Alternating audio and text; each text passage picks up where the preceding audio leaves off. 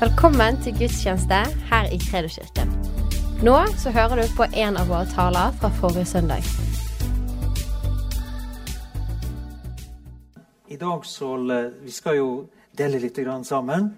Vi har jo hatt en serie nå denne våren om eh, familie, relasjoner og Guds plan.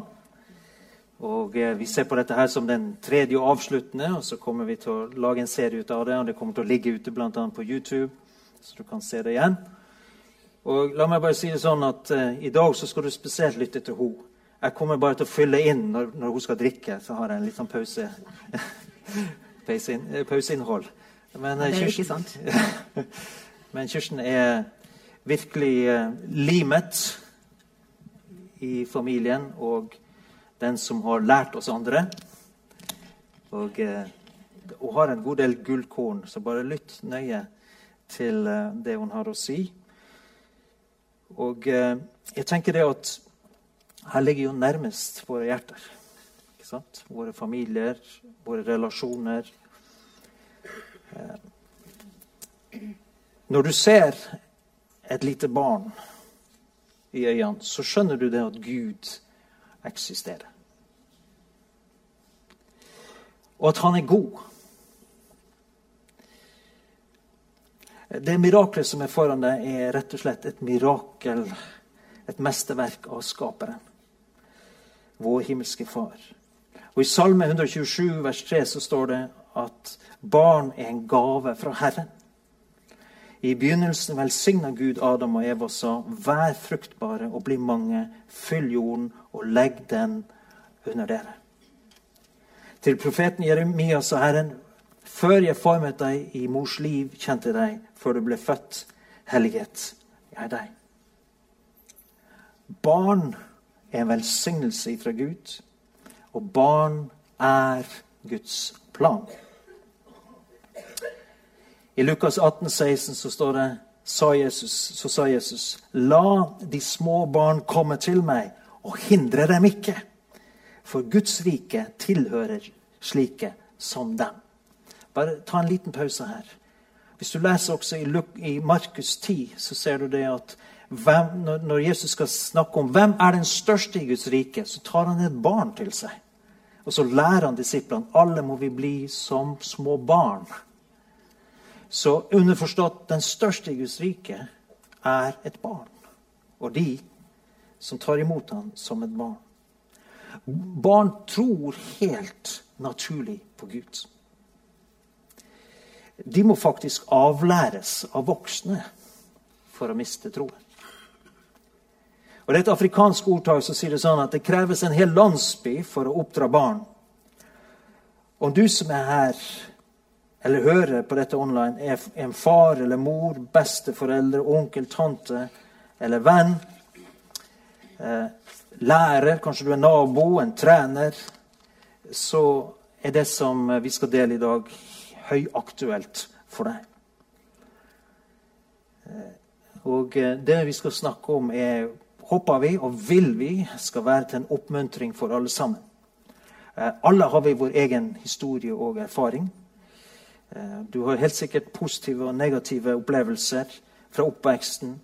Og selv om det er et stort sprang mellom en, en, en velfungerende eh, familie og det å være vokst opp eller opplevd hva vi kaller en dysfunksjonell familie, så er det sånn at vi kan lære av alle ting.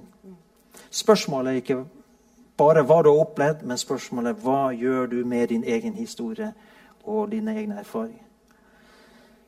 Barn er de som kan gi oss de største gleder og opplevelser av mening og tilfredsstillelse.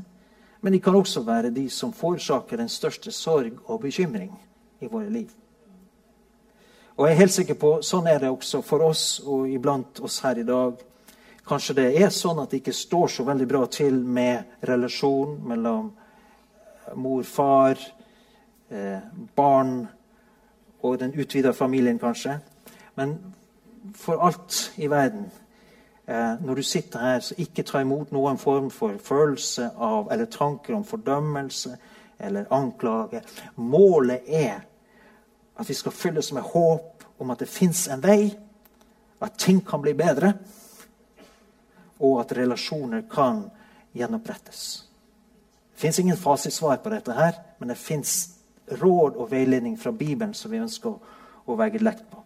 Og Det kan hende at uh, vi sier noen ting som provoserer litt. Er du klar til å bli provosert?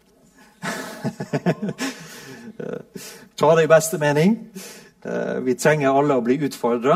Noen ting brytes vi litt med, og vi kan snakke om vi har kanskje forskjellige tanker eller meninger om det, men allikevel er det bra at vi utfordrer hverandre. Hun, uh, min elskede Kirsten hun utfordrer meg hele tiden. Så sett i gang. Utfordre oss. ja. Så det å få barn og det å oppdra barn, det er en stor jobb. Eh, og den er kanskje mer utfordrende enn det vi først trodde. I hvert fall var det sånn for oss. Eh, og det var noen som sa det at de som vet mest om det å oppdra barn, det er gjerne dem som enda ikke har fått barn. Ikke sant? Jeg skal få fram et bilde her på skjermen av våre barn. Ja, her er et bilde av våre barn når de var litt mindre. Det er altså Miriam som er eldst. Hun ligger i midten. Så har vi Aron og Hanna. Dette er også våre si, prøvekluter. Det er dem vi har prøvd og feila med. Um, og tross for at vi har gjort mange feil opp igjennom, for det har vi gjort, så er de fremdeles glad i oss. Og de eh, trives fremdeles, fremdeles i vårt selskap, og det er vi veldig glad for. Og selv om vi har gjort mange feil, så vet jeg i hvert fall det at jeg har faktisk gitt mine barn en bedre barndom enn den som jeg selv fikk. Og min mor hun ga meg en bedre barndom enn den hun selv fikk. Aron han sa det når han var liten, at 'Mamma, jeg vil ikke lære av mine egne feil, jeg vil lære av andres feil'. Og det syns jeg var et godt sagt. Fordi det er nemlig veldig vanlig å gjenta de samme feilene som ens foreldre har gjort, til sine egne barn. Men det trenger ikke å være sånn. Vi kan lære av de erfaringene vi hadde, har med oss fra barndommen, og så kan vi gjøre det bedre. Det er en quote som sier det at Be the love you never received. Altså, vær den kjærligheten som du selv ikke fikk, til dine barn. Og da våre barn var små, så var det spesielt noen bøker som fikk bety mye for oss. Og jeg har tatt dem med meg, fordi at disse bøkene har vi også i bokshoppen. Eh, og ei bok, Den første boka her den heter for 'Er du glad i meg?' Den er skrevet av dr. Ross Campbell. Og det her er en klassiker. Den er ganske gammel, men fremdeles så selges den boka. Den har også en oppfølger som heter for 'Er du fortsatt glad i meg?' Men altså dette spørsmålet 'Er du glad i meg?' Det er et spørsmål som alle barn stiller hele tiden, og som de trenger bekreftelse på. Den beskriver hvordan barn har en kjærlighetstank som trenger å være fylt hele tida for, for, at de skal være harmonisk og trygg. Så hvis barnet er ulydig eller grinete, så bør vi alltid sjekke den tanken først. Vi vet at barns største behov er å bli elska ubetinga. Og det betyr at man elsker dem uansett svake og sterke sider, uansett hvordan de ser ut, uansett hvor flinke de er, uansett hvordan de oppfører seg. Og jeg vil si at ubetinga kjærlighet det er selve fyrlyset i barneoppdragelsen. Og jeg tror at de aller fleste foreldre gjør nettopp det. De elsker barnet sitt ubetinga. Spørsmålet er likevel om barn oppfatter den kjærligheten som vi har til dem, som ubetinga kjærlighet, og om den er med å fylle denne kjærlighetstanken. Og Da er det en annen bok som jeg har lyst til å reklamere for. Og det er, det er sikkert mange som kjenner denne boka, men det er 'Kjærlighetens fem språk'. Det kommer nemlig an på om vi snakker det kjærlighetsspråket som barnet forstår og som er med å fylle denne, denne kjærlighetstanken. Fordi at når barnet vokser til, så utvikler de også et kjærlighetsspråk. Eller flere kjærlighetsspråk. Og hva er det ditt barn oppfatter aller mest som kjærlighet? Denne boka den tar for seg fem ulike kjærlighetsspråk. Og jeg kan bare ramse dem opp. Det er fysisk kontakt, det er kvalitetstid, det er tjenester, anerkjennende ord og gaver. Og Det er veldig fristende for meg nå å begynne å ta for meg disse språkene. Men det skal jeg ikke gjøre i dag. Men jeg vil bare si at som foreldre så trenger vi å studere våre barn. Og lære å kjenne det, sånn at vi bevisst kan snakke det kjærlighetsspråket som de forstår aller best. Så prøver jeg. Da lurer jeg på hva er mitt kjærlighetsspråk? Vet du det? Herre. Ja, Det er alt etter hva dagens behov. Noen ganger så er det tjeneste når oppvasken tar tak. Og andre ja. ganger så er det når du føler deg litt nedfor, så er det gode, rosende ord. Og så mye konsentrert oppmerksomhet det gjør underverker. ja. Han fant ut i hvert fall at mitt kjærlighetsspråk er ikke gaver. Ikke sant? For mange, mange har det som et kjærlighetsspråk. Men uh, da han kom hjem med blomster til meg av og til, og jeg var litt misfornøyd med blomster, for jeg skulle heller ha tulipaner den dagen, da skjønte han at det her er ikke det språket hun ja. Han har ikke slutta helt å gi meg blomster, men det er ikke det som, uh, det som jeg setter aller mest pris på. Ja, og før vi går inn mer i, i konkrete ting, så tenker jeg det også viktig å, å La oss bestemme oss for som Guds menighet at barneoppdragelse og det bibelske perspektivet er det som er rettesnoren for oss. Og hvor vi henter inspirasjon og lærdommen fra. For det fins strømninger, det fins litteratur i tida som kan se veldig bra ut, men det er en del forførende tanker i tida vår som gjelder barn og barneoppdragelse. Så bare vær bevisst. Det er bra å lese seg opp og studere, men vær bevisst er dette i samsvar med Bibelen og Bibelens grunnleggende lære. Eh, I Matteus 18, vers 5 og 6 så står det Og den som tar imot et slikt lite barn i mitt navn, tar imot meg. Stopp nå bare der og tenk What? Den som tar imot et barn, tar imot meg? Hvem er meg? Jesus. Men den som lokker til fall en av disse små som tror på meg, han var bedre tjent med å få en kvernstein hengt om halsen og bli senket i havets dyp. Det er jo utrolige ord av Jesus, men han tar dette på den største alvor. Hver en som forfører en av mine minste. Altså, vi skal veilede dem og vise dem den veien skal, de skal gå på. Denne filosofien med fri barneoppdragelse er en total motsetning til Bibelen. Eh, den Bibelen sier at vi skal lære barnet den veien det skal gå. Og hvis ikke vi lærer barna rettferdighetens vei, så er det noen andre som kommer til å lære dem og føre dem på forførelsens vei. Barnet som en åpen bok. Og Det fins trender i samfunnet, i media, ungdomskulturen, hvor, hvor, man heier fram opprør og forakt for foreldre og autoriteter. Forakt for læreren, også politiet osv. Det er selvfølgelig ikke av det gode. Eh, selvfølgelig skal vi oppfordre og hjelpe barna til å være seg sjøl, utvikle sin personlighet. Samtidig som de skal ha en kritisk sans for å vurdere informasjon, rett, galt, Eh, høres det fornuftig ut? Eh, skille på kildene til informasjon. Og dette er jo en, en eh, prosess som pågår hele tiden. Og at de utvikler en sunn sjøltillit. Men det må aldri ta oss bort fra Bibelen legger vekt på lydighet. Fordi at det er noe godt at barn lærer å respektere autoritet og være lydig.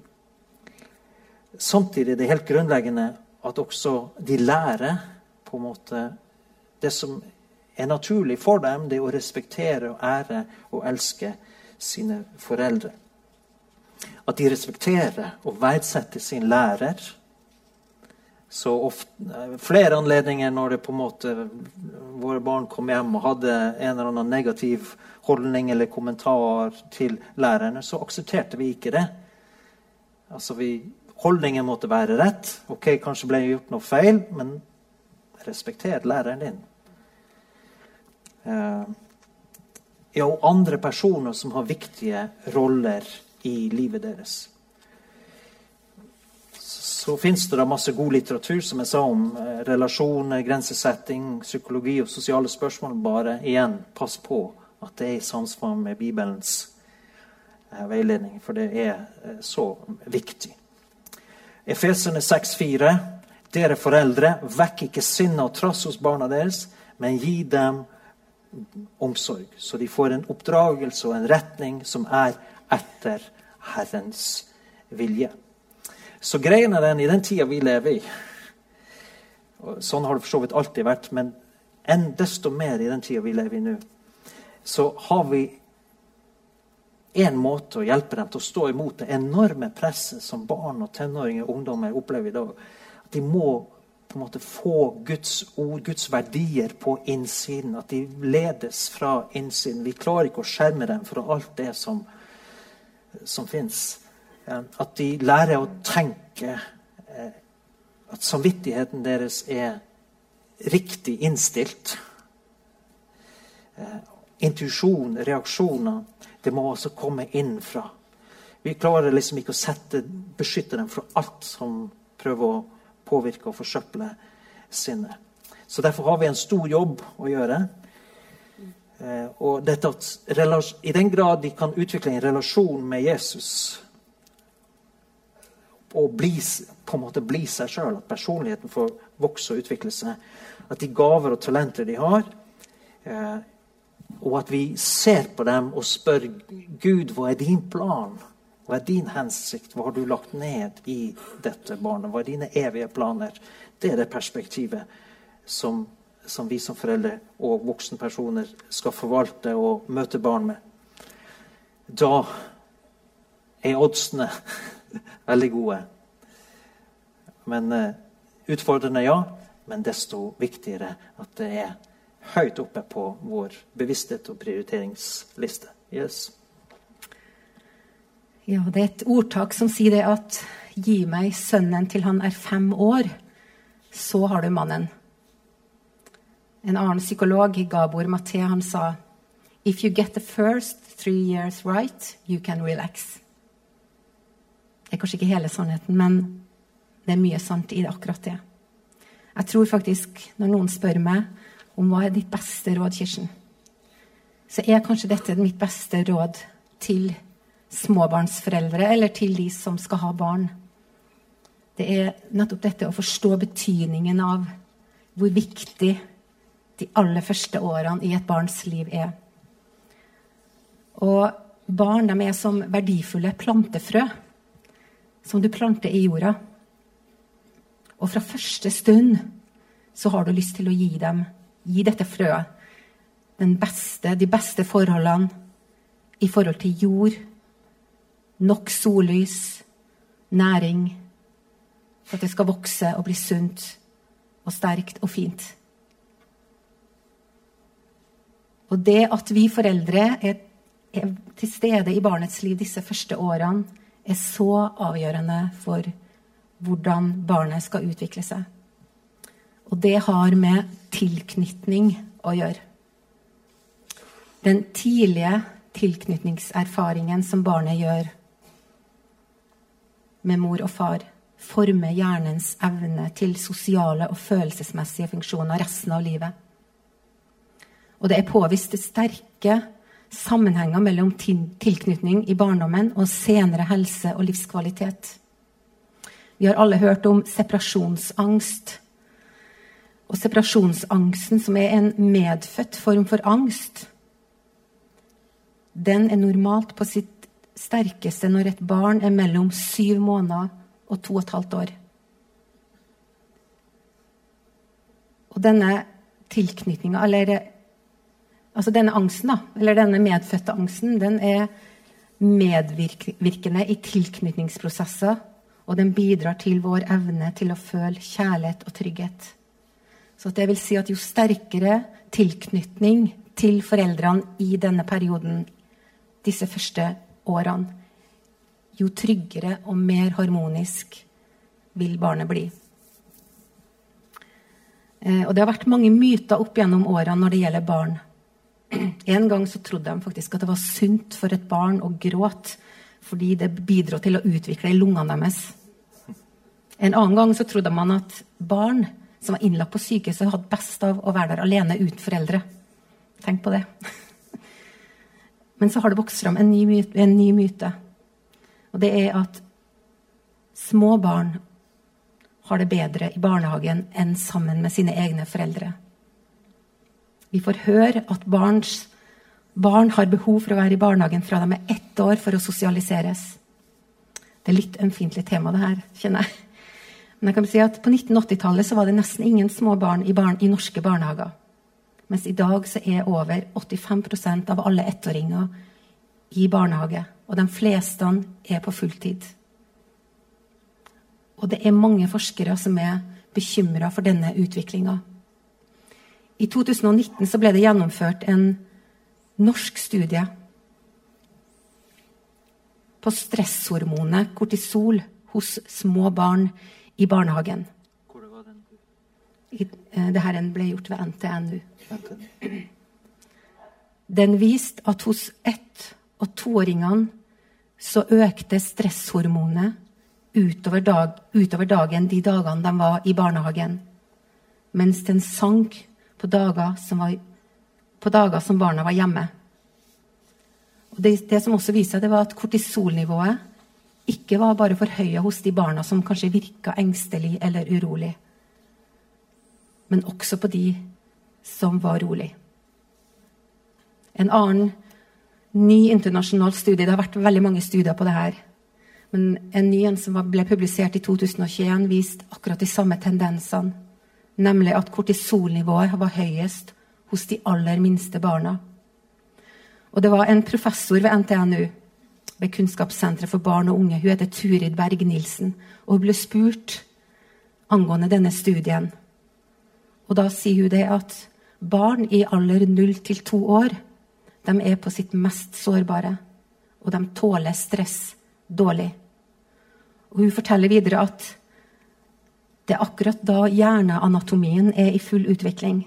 Så negativt stress kan påvirke hjernens nerveceller og de nervecellene som brukes til å håndtere stressreaksjoner, hemmes mest. Ja. ja. Hva skal vi si? Nå vi, vi har passert 50, så nå kan vi si det vi mener. Ja. og være litt, være litt, tydelige og oppmuntrende i det. Men det du egentlig sier, det er at, at man skal være veldig bevisst på, på barnas behov eh, i ja, kanskje frem, spesielt i fram til to og en halvt års, treårsalderen. Det gjelder jo hele livet, for så vidt. Men eh, jeg tror vi må være så ærlige å si eh, og at eh, altså barn, Det er ingen barn som for sin egen del trenger å være i barnehagen. Nå snakker vi om småbarn. Småbarn, liksom ja, jeg mener det. Til kanskje når de nærmer seg to og et halvt, tre år. Så kommer den natu naturlige sosialiseringsbehovet. Før det så er behovet først og fremst trygghet, trygghet, trygghet og atter trygghet. Og Så kan de leke, leke, fint med andre barn, men at det er en trygghetsperson de alltid er sammen med, eh, det er veldig viktig. Nå ser jeg at de har blitt flinkere i norske barnehager etter denne nedstengningen og pandemien og sånn. At de, når de er delt opp i kohorter, så er det samme person. Før så gikk de jo på rundgang, men nå er det samme person som har i hvert fall i mange barnehager, samme person som har samme kohort. Så man har skjønt eh, noen ting. Men her er en utfordring til oss som, som storfamilier. Ikke bare foreldre, for er, det er press på økonomi, det er press på omstendigheter, det er press på karriere. Men vi må tenke at kan vi som besteforeldre, kan vi som onkler, kan vi som tanter, kan vi som storfamilie stille opp? Og kanskje må vi gå litt ned i inntekt en periode, så vi drøyer dem og så drøye så lenge som det er nødvendig for det enkelte barn. Barn er jo litt ulike. Men veldig bevisst i denne fasen her tror jeg er en ja, veldig, veldig uh, viktig å tenke igjennom. Ja. Og, ja, jeg skal bare si det også, Derfor er jeg også litt skuffa over at man bygger ned det her med kontantstøtte. og sånn. Det tror jeg er en kjempetabbe. Nå snakker jeg om samfunnet generelt. Men det er en annen sak. Så hvis noen politikere kan få tilbake kontantstøtten, go for it. Ok.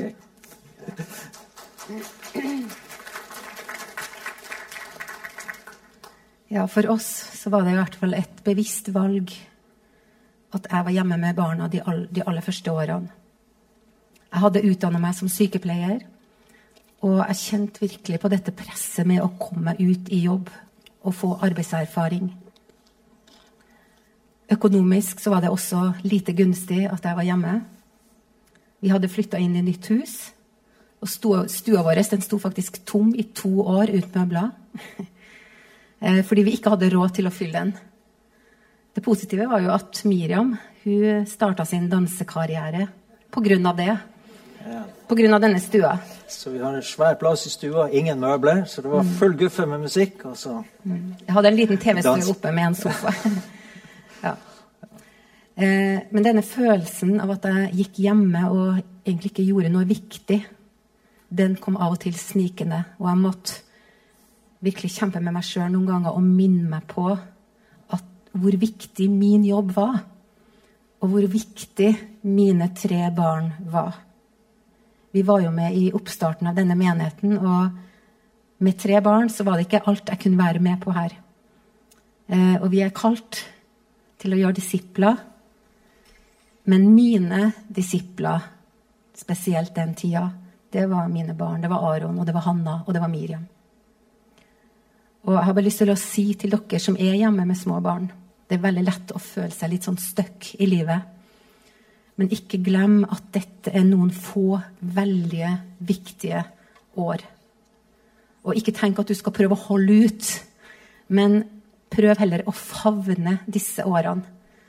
For dine barn trenger deg. Nå snakker jeg egentlig både til mor og far. Men dine barn trenger deg, og de trenger din tilstedeværelse mer enn noe. Og tenk at det er nå det gjelder som mest. Men hvordan er det sånn med altså, Hvis vi snakker om en ettåring eller noe sånt. Hva med besteforeldre, onkler og tanter? Hvilken rolle kan de spille? Altså, kan et barn knytte seg til dem også og føle trygghet? Nei, jeg skal ikke ha noe med besteforeldre å gjøre, jo da. ja, besteforeldre er dyrebare personer i, i et barns liv. Og det er noen ting når det skjer i nært eh, i, sammen med de foreldrene. Når det er også en god relasjon med foreldrene, sånn som besteforeldre har, og tanter og onkler, så er det bare sunt for barna å ha andre voksenpersoner også. Ja, men, Det er litt annerledes. men man må jobbe litt med den tilknytningen først, sånn at de er trygge, barna. Og det er en, så, så fungerer det utmerket. Yes.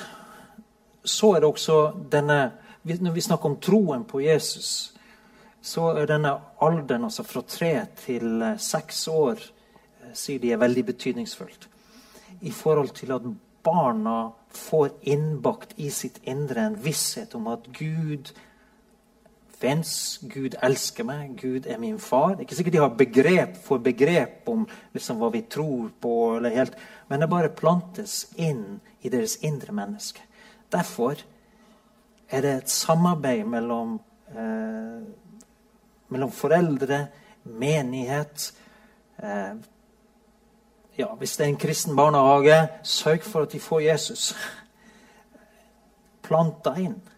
For får de det inn i, litt, i ung alder, så, så eh, har de det med seg. Og så når da etter fem-seksårsalderen så legger du på mer informasjon og kunnskap, begynner å forstå mer hva det handler om. videre. Men da er troen allerede planta. De bare vet at de vet at de vet at Gud fins, og Jesus er god, og det tror jeg på. Sant? Og den eh, overbevisningen legges inn veldig tidlig. Og så er det helt naturlig at det er en livslang læring, men det er ulike faser i livet som vi trenger å være litt bevisste på. Men det at barn lærer bønn, de får Guds ord, at de utvikler sitt personlige forhold til Gud, altså da er veldig mye gjort for å takle livets utfordringer og stormer og all slags påvirkninger som, som finnes der. Så den der Gud er god, Gud elsker meg, lære om Guds nåde, kjærlighet, oppøve evnen Derfor må vi lære barna hva som er rett og galt. Må ikke overlate det til noen andre. Hvordan skal de tilgi? Hvordan tar de imot tilgivelse?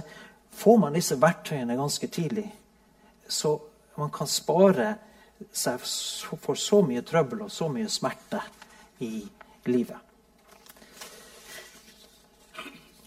Så igjen, barn tror helt naturlig på Gud. Så vi må ikke la noen voksne, andre voksne stjele det fra våre egne barn, og ved at vi er bevisst at de mates med dette her. For det er en stor kamp om barns sinn i dag. Men hvordan med dette relasjon og tilknytning? Hvordan arter det seg senere i livet, da? Skulle jeg snakke om det? Nei. Du, jeg bare tenkte å si at eh, Ja, jeg kan si litt om det. Altså, den ene tingen når det gjelder eh, barneoppdragelse Det er egentlig så mye å si her, men det er at det handler ikke så mye om hva du gjør for barnet, men hva du er for det, og hvilken relasjon du har til barnet. En psykolog han sa det at for å disiplinere barna, så må du først gjøre dem til dine disipler. Og det syns jeg var veldig godt sagt. Fordi at en disippel han kommer ikke til å være redd for deg, men han vil være en som elsker deg, en som tilhører deg, en som vil følge deg og lytte til deg og ta imot råd ifra deg. Så vår jobb som foreldre er først og fremst å stadig sørge for å holde denne relasjonen med barna våre varm. Jeg leste i en bok som heter for 'Hold On To Your Kid' av Gabor Maté.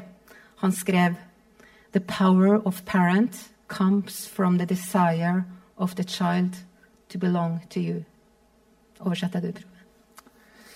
Altså, altså den, det verktøyet eller den kraften som foreldrene har, kommer fra ønsket som barna har av å tilhøre deg. Mm. Eh, noen skrev det at hvis ikke du lytter til de små tingene som barna forteller deg når de er små, så vil de heller ikke fortelle de store tingene når de blir store. Og det er så sant. Det handler om å være til stede i barnas liv, og det handler om tilstedeværelse. Barn er eksperter på å merke om vi er til stede. Og spesielt små barn de vil gjøre hva som helst for å bringe oss tilbake i rommet med dem når de merker at vi ikke er der. Om det så betyr å lage litt bråk og være ulydig. Og det er ikke alltid vi klarer å lese dem. Og også vi voksne setter jo pris på mennesker som er med hele seg, er sammen med oss. Når de er med oss, så er de der med hele seg. Og de lytter, og de er genuint interessert. De sjekker ikke stadig mobilen sin. De er ikke et helt annet sted i tankene sine, men de formidler at 'jeg liker å være med deg, og jeg har lyst til å være med deg'. Og enda viktigere er det for et barn. Det er så mye som pågår i et barns liv, og de trenger vår tilstedeværelse gjennom hele oppveksten. Hvor ofte gjennom livet opplever ikke barna å bli såra eller føle seg forkasta det kan være noe en klassekompis har sagt, eller en lærer eller en trener, og som kanskje har gitt dem en følelse av mindreverd, eller gitt dem noen feile tanker om seg selv. Det er så mange ganger at jeg som mor har tenkt at oi, så bra at jeg var her nå og kunne fange opp det som pågikk i livet deres, og kunne korrigere disse tankene, sånn at ikke det ble til tankebygninger i livet deres. Hvor viktig var det ikke at jeg var her akkurat nå og minte dem på hvor verdifulle de er? Og det skjer gjerne på sengekanten eller når ungdommene kommer hjem sent en kveld. Men å være til stede er så dyrebart. Og jeg tror at foreldrerollen er mer utfordrende i dag enn før. Det er så mye der ute som konkurrerer om våre barns oppmerksomhet, og som vil undergrave foreldrene sin rolle. Og mange foreldre føler seg hjelpeløse og opplever at de mister grepet om barna sine. Og det er ikke alltid man vet hva som har kommet imellom. Men jeg tror at pga. denne utviklinga, bl.a. med mobil, data, dataavhengighet, spill, Instagram, TikTok, sosiale medier osv. gjør at barna våre står i fare for å knytte seg til noe annet eller til noen andre, gjerne jevnaldrende, i større grad enn til sine egne foreldre. Og det er ikke noe galt at barn knytter vennskapsbånd med andre. Problemet oppstår når det undergraver foreldrene sin rolle og drar barna våre bort ifra de sunne verdiene. Så hva gjør vi når det har oppstått et gap mellom barn og foreldre? Når barna ikke lenger kommer til deg for å få trøst eller råd eller bli bekrefta eller for å snakke ut om ting som er vanskelig? Da må vi sette inn alt på å gjenopprette relasjon. Og jeg tror at det er alltid noe vi kan gjøre. Av og til så må vi kanskje også sette noen tøffe grenser for å fjerne dem bort fra den usunne påvirkninga. Det kan være i form av feil selskap, i form av venner som har en negativ påvirkning på dem, eller det kan også være en usunn påvirkning via mobil og nettet. Men så må vi også være der og erstatte det tomrommet som vil oppstå, oppstå med noe meningsfullt. Og jobbe for å knytte barnet til oss igjen. Det var en far som fortalte hvordan han hadde han følte at han hadde mista tenåringsdattera si helt. De to siste årene. Hun var ikke lenger denne varme og hengivne dattera som han var vant med. Og han bestemte seg for å gjøre et forsøk på å vinne henne tilbake. Så han bestemte, hun var bare tenåring, han bestemte at han skulle ta meg på hyttetur i fjellet.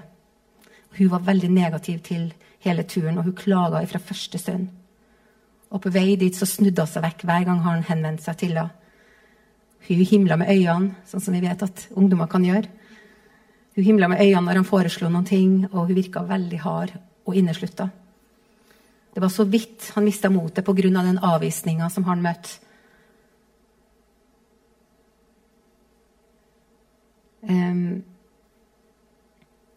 Men etter hvert Men det har begynt med, han begynt han begynte å lytte til henne, han begynte å vise interesse, han begynte å stille noen spørsmål. Og etter hvert så fikk han fram noen smil. Og etter hvert så ble hun plutselig litt varmere i stemmen. Og på slutten av denne turen så ble hun faktisk veldig pratsom. De laga mat sammen, og de dro hjem. Da de dro hjem, så var det ingen av dem som hadde lyst til å dra. Og da de senere fikk snakka skikkelig sammen, så spurte hun jenta faren sin Hvorfor har du trukket deg bort ifra meg? Mens han hadde tenkt at det var jo hun som hadde trukket seg bort ifra meg. Men da gikk det opp for han at det er hans oppgave som far å opprettholde denne nære relasjonen med sitt barn. Eh, og vi har jo selv opplevd en gang hvordan avstand har kommet mellom oss som foreldre og vår eldste datter en periode. Jeg spurte Miriam om det var greit at jeg kunne nevne det. Men pga. denne dansekarrieren som hun hadde, dansekarrieren, hun så flytta hun til Oslo veldig tidlig. Hun var bare 16 år gammel. Og så kom det en periode hvor jeg begynte å få en følelse av at noe ikke stemte. Og at hun egentlig ikke hadde det så bra. Vanligvis så ville hun ha bedt om råd eller hjelp hvis det var noen ting, men ikke nå. Og da jeg fikk vite at hun skulle reise til utlandet en periode pga. et dansekurs, så bestemte jeg meg for jeg drar til Oslo for å møte henne. Og bare være med henne den dagen, dagen før hun skulle dra. Og, og så sørga jeg også for at vi skulle ha en overnatting sammen på et hotell. Men den følelsen av å sitte på restauranten og se at jenta di ikke er seg sjøl og du merker at det er noe som ikke stemmer. Men likevel så kjente jeg at det var ikke noe åpenhet der til å kunne snakke om det. Det gjorde veldig vondt for et morshjerte. Og vi har snakka om det etterpå, jeg og Miriam, hvor viktig dette treffet var. Ikke bare for meg, men også for hun. Det å få den kvelden og denne overnattinga i lag, selv om vi ikke fikk løst problemene hennes, og det er ikke alltid vi får mulighet til å gjøre noen ting.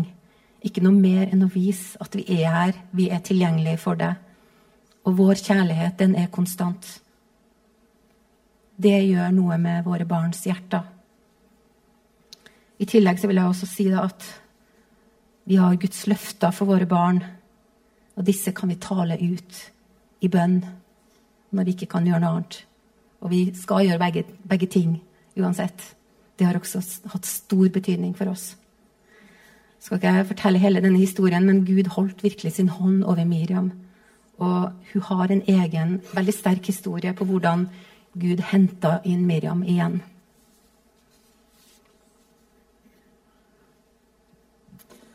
Så bra. Det er bra med ei kone og mor som følger med. Snapper opp hva som går, går med hus forbi. Men vi, vi, trengs begge to. Vi har litt ulike roller. Og, og greien er den at vi kan alle øves opp, vi kan alle utvikle oss, vi kan alle lære. For det er en erkjennelse at mitt liv som far eller mor påvirker våre barn. Og det er jo kanskje i møte med barn at vi får frem både det beste og det verste i oss. vi kan bli så irritert og, og uh, uli oppdage ulike reaksjoner hos oss sjøl og så lurer på wow, hvor kom det fra? Det har aldri skjedd på jobben. Men hjemme så viser det seg hvem, hvem vi er, og ofte hva som bor i oss. Og det har jo vært en, på en måte en læring for oss òg, for meg spesielt, tenker jeg. Og, og, Gud har brukt det for, for, å jobbe med mitt liv. Blant annet er det, det har vært perioder hvor det har vært eh, hatt litt utfordringer med på en måte å være til stede. For det har vært skal si det sånn at det har vært tider hvor, hvor dette med menighet og alt det her har tatt utrolig mye av tankevirksomheten, følelsene, energien min osv. Og, og da er det ikke alltid at familien har fått det beste av meg. Men takket være deg og på en måte Den hellige ånd, for å si, så det å være bevisste og jobbe med det, så kan ting forandres trenger ikke å være sånn som det alltid har vært. En periode når ungene var små, og vi bodde i USA, så eh, jeg studerte masse, og eh, vi hadde det fantastisk. Men hun minste var jo seks måneder når vi flytta dit. Miriam var syv. Og så var det akkurat som eh, Det var, det var en, på en måte noe skjult sinne og frustrasjon, nesten raseri, som kom opp i meg i gitte situasjoner hjemme. Og jeg bare skjønte det. Dette er ikke bra. Altså, for det kom bare fram hjemme. Og hvis ikke jeg får hjelp eller tar tak i det her, så det, kommer dette til å gjøre noe negativt for mine barn. At Guds godhet og kjærlighet kompenserer for masse av våre feil, men likevel skjønte jeg her, dette må du ikke la liksom unnskylde eller la på, pågå videre. Og jeg ba, bekjente Guds ord, men akkurat som jeg ikke fikk grep om det. Det endra seg ikke. Det var spesielt i møte med barna og deres reaksjoner at alt det her kom frem. Men da husker jeg til slutt som Gud hjelpe meg, hva gjør jeg? Dette her skal ikke, kan ikke fortsette i mitt liv. Så da fikk jeg en slags opplevelse at gå, dra til universitetet. Snakk med den og den professoren. Si hva du sliter med. Bekjenn det som synd, og be han om å be for deg. Så det var jo litt ydmykere. dra på universitetet og be om en samtale. Og han Professoren trodde jo selvfølgelig at jeg skulle spørre om et fag.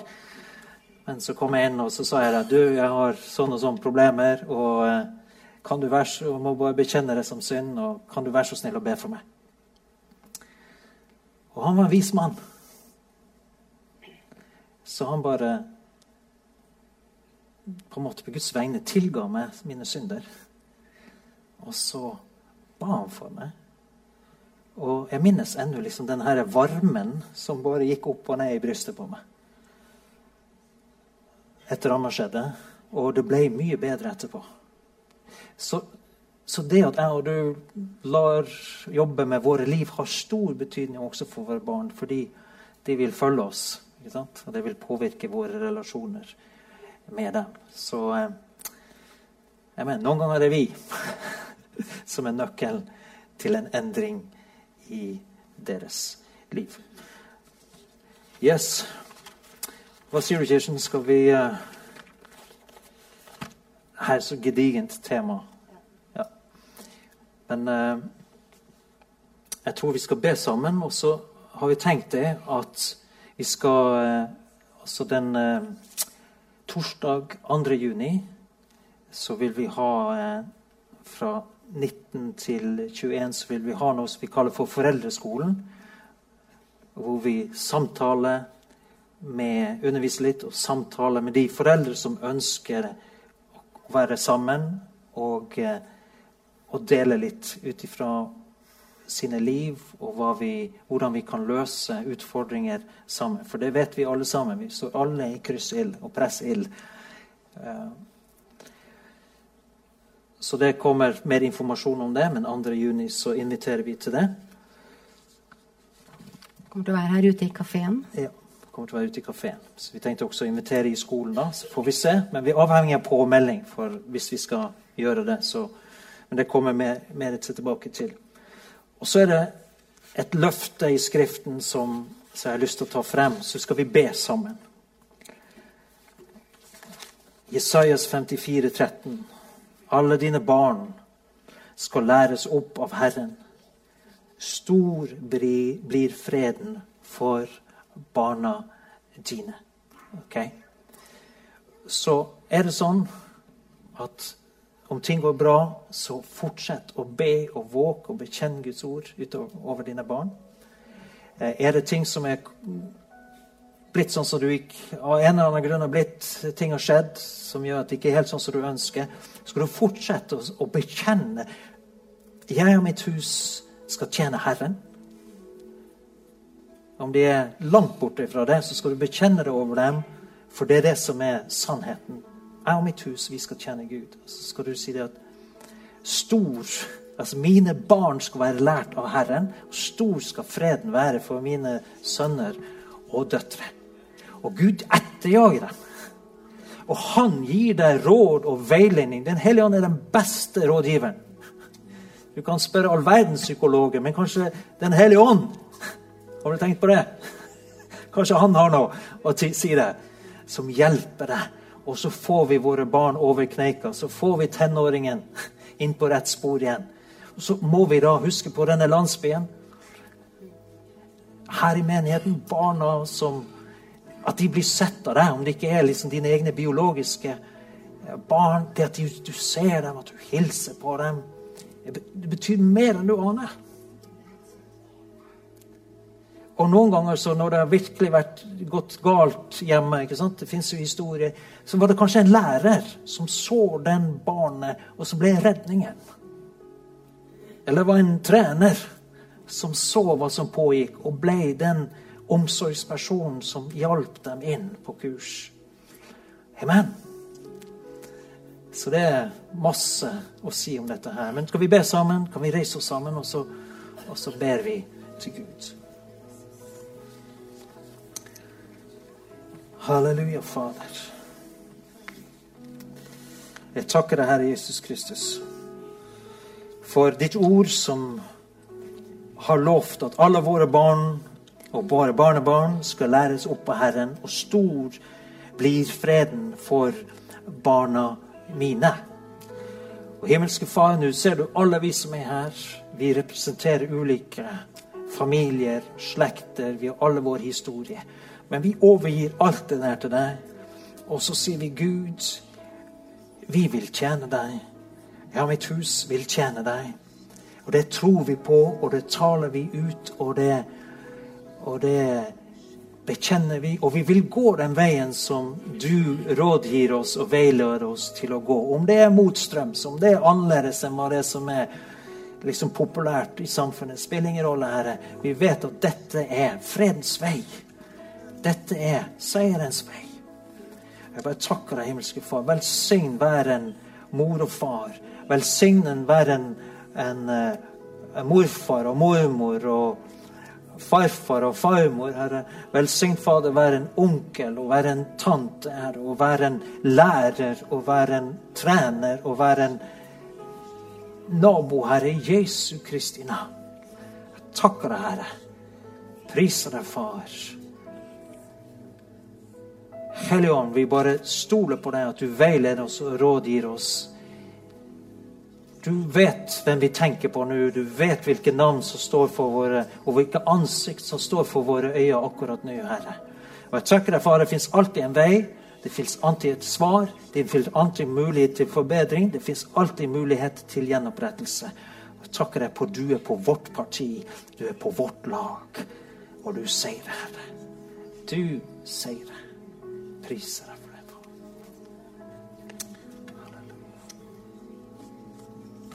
Amen. Amen.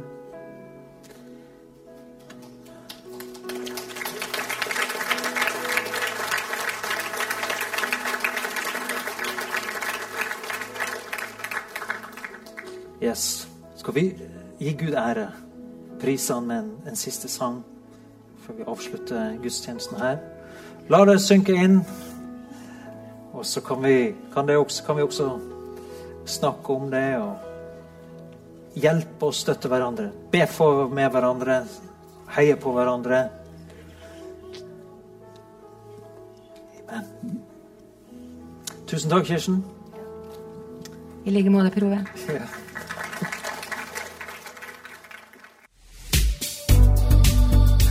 Tusen takk for at du lyttet. Følg oss gjerne på Instagram og Facebook, og så snakkes vi neste uke.